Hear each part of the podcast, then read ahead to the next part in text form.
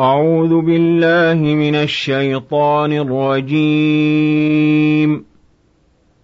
بسم الله الرحمن الرحيم. والنجم إذا هوى ما ضل صاحبكم وما غوى وما ينطق عن الهوى. إن هو إلا وحي يوحى. علمه شديد القوى ذو مرة فاستوى وهو بالأفق الأعلى ثم دنا فتدلى فكان قاب قوسين أو أدنى. فأوحى إلى عبده ما أوحى ما كذب الفؤاد ما رأى أفتمارونه على ما يرى؟ ولقد رآه نزلة أخرى عند سدرة المنتهى عندها جنة المأوى. إذ يغشى السدرة ما يغشى ما زاغ البصر وما طغى. لقد رأى من آيات ربه الكبرى. أفرأيتم اللات والعزى ومناة الثالثة الأخرى؟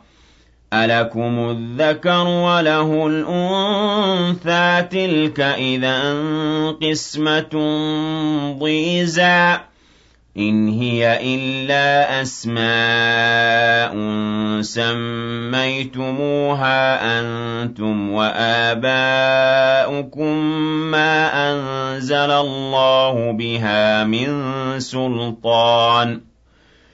إن يتبعون إلا الظن وما تهوى الأنفس. ولقد جاءهم من ربهم الهدى.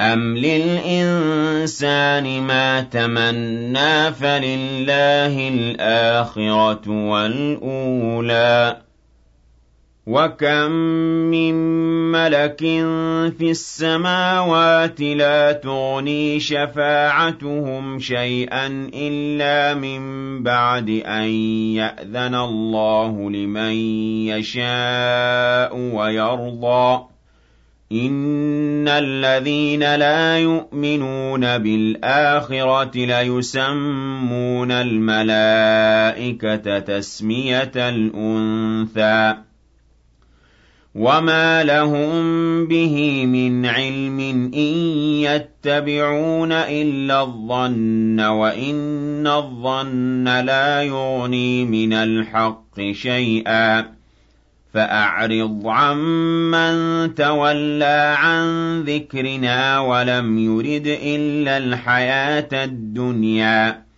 ذلك مبلغهم من العلم. إن ربك هو أعلم بمن ضل عن سبيله وهو أعلم بمن اهتدى. وَلِلَّهِ مَا فِي السَّمَاوَاتِ وَمَا فِي الْأَرْضِ لِيَجْزِيَ الَّذِينَ أَسَاءُوا بِمَا عَمِلُوا وَيَجْزِيَ الَّذِينَ أَحْسَنُوا بِالْحُسْنَى الَّذِينَ يَجْتَنِبُونَ كَبَائِرَ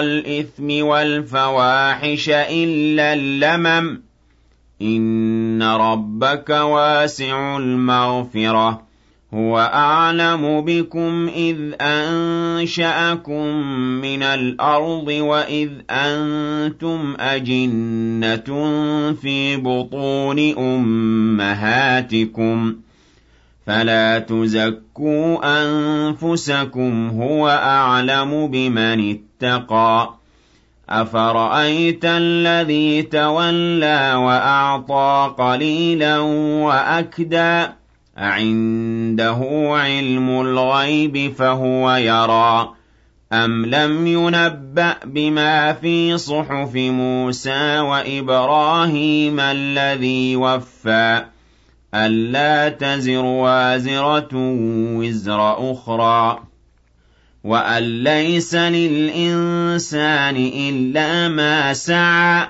وأن سعيه سوف يرى ثم يجزاه الجزاء الأوفى وأن إلى ربك المنتهى وأنه هو أضحك وأبكى وأنه هو أمات وأحيا وأنه خلق الزوجين الذكر والثن إذا تمنى وأن عليه النشأة الأخرى وأنه هو أغنى وأقنى وأنه هو رب الشعرى وأنه أهلك عادا الأولى وثمود فما أبقى وقوم نوح من قبل إنهم كانوا هم أظلم وأطغى.